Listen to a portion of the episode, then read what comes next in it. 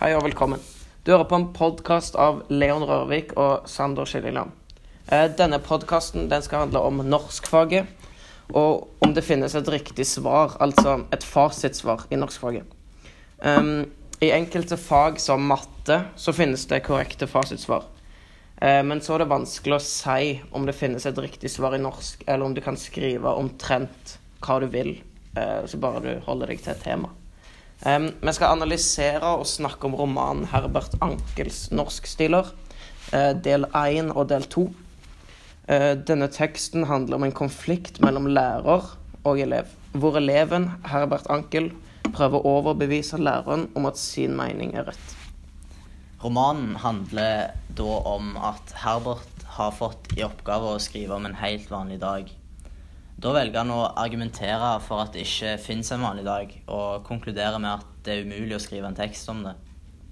Læreren responderer med en ganske sur og sint kommentar, hvor han sier kort og presist at det faktisk fins vanlige, alminnelige, alminnelige dager, eh, og at han må skrive en ny oppgave. Dette er del én, og del to handler om den andre teksten hans. Da skriver han en nokså lang tekst med mange grammatiske feil, som eh, altfor lange setninger. En setning på første side på del to er syv linjer lang og besto av hele 60 ord. Dette kan være over et halvt avsnitt og ikke langt fra et helt. Eh, han gjentar òg eh, navn og etternavn veldig mange ganger.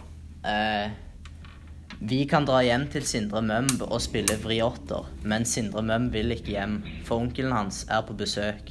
Og Sindre Mømb har ennå ikke sagt noe om bambusstangen, som jeg fortalte om i Fortell om en tur. Denne teksten i del to eh, handler om en helt tilfeldig dag i livet hans 4. oktober. Um, Herbert Ankel han starter med å beskrive ganske detaljert, eh, men han ender opp med å bevise at det ikke fins alminnelige dager, og at han hadde rett i den første stilen. Eh, læreren responderer igjen veldig surt og virker rasende. Han krever en unnskyldning og gir karakteren ikke minus. Herbert kom med en unnskyldning hvor han virker ganske arrogant.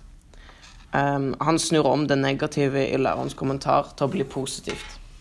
Læreren hadde forklart hva ordet 'kolportere' betydde, uh, men mente det på en spydig måte. Da bruker Herbert en slags um, hersketeknikk og takker for veiledning. Um, Herbert er òg ganske formell og bruker tredjepersoner han skal referere til læreren. Et eksempel er først og fremst vil jeg si unnskyld og takke lærer Ørekam for å ha bidratt meg et nytt ord. Han bruker uh, også en hersketeknikk i slutten av unnskyldningen, hvor han prøver å belære læreren om et uttrykk. Lærer Ørekam fortsetter med en kommentar til unnskyldningen, hvor han skriver at han ikke godtar den. Han er fornærma over Herbert Ankel sin arroganse. Han sier at han burde foreta en storrengjøring i hans forkvaklete språk og bli kvitt bakteriene. Um, dette mente vi altså var en metafor for å forbedre språket. Helt til slutt kommenterer Herbert på dette og bruker en sarkastisk hersketeknikk nok en gang. Og han sier 'Bør jeg være hjemme fra skolen mens jeg har en storrengjøring?' Så er da spørsmålet Fins det eh, et riktig svar i norskfaget?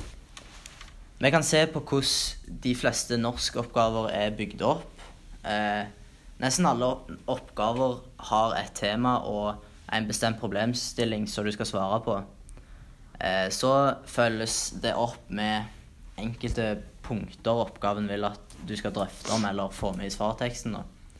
Det første læreren ser på når eh, han eller hun skal rette oppgaven din, er jo om du har svart på oppgaven. Det er alltid det viktigste. Så retter han eventuelt grammatikk osv.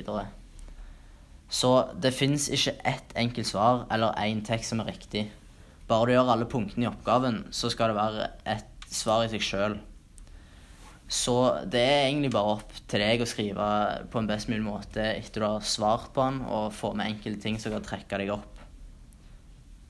Så hvis vi ser eh, først på hva Herbert og læreren mener Um, læreren mener jo at uh, det bare finnes ett riktig svar, altså på en måte ett fasitsvar. Um, læreren sier i kommentaren sin uh, det eneste lyspunktet er at teksten er for kort. Det han mener med det, er at uh, teksten er så dårlig at det var bra at den ikke var lengre. og så sier han om du tror at det ikke fins alminnelige dager, så skal jeg gi deg en her og nå, og denne gangen uten grekere.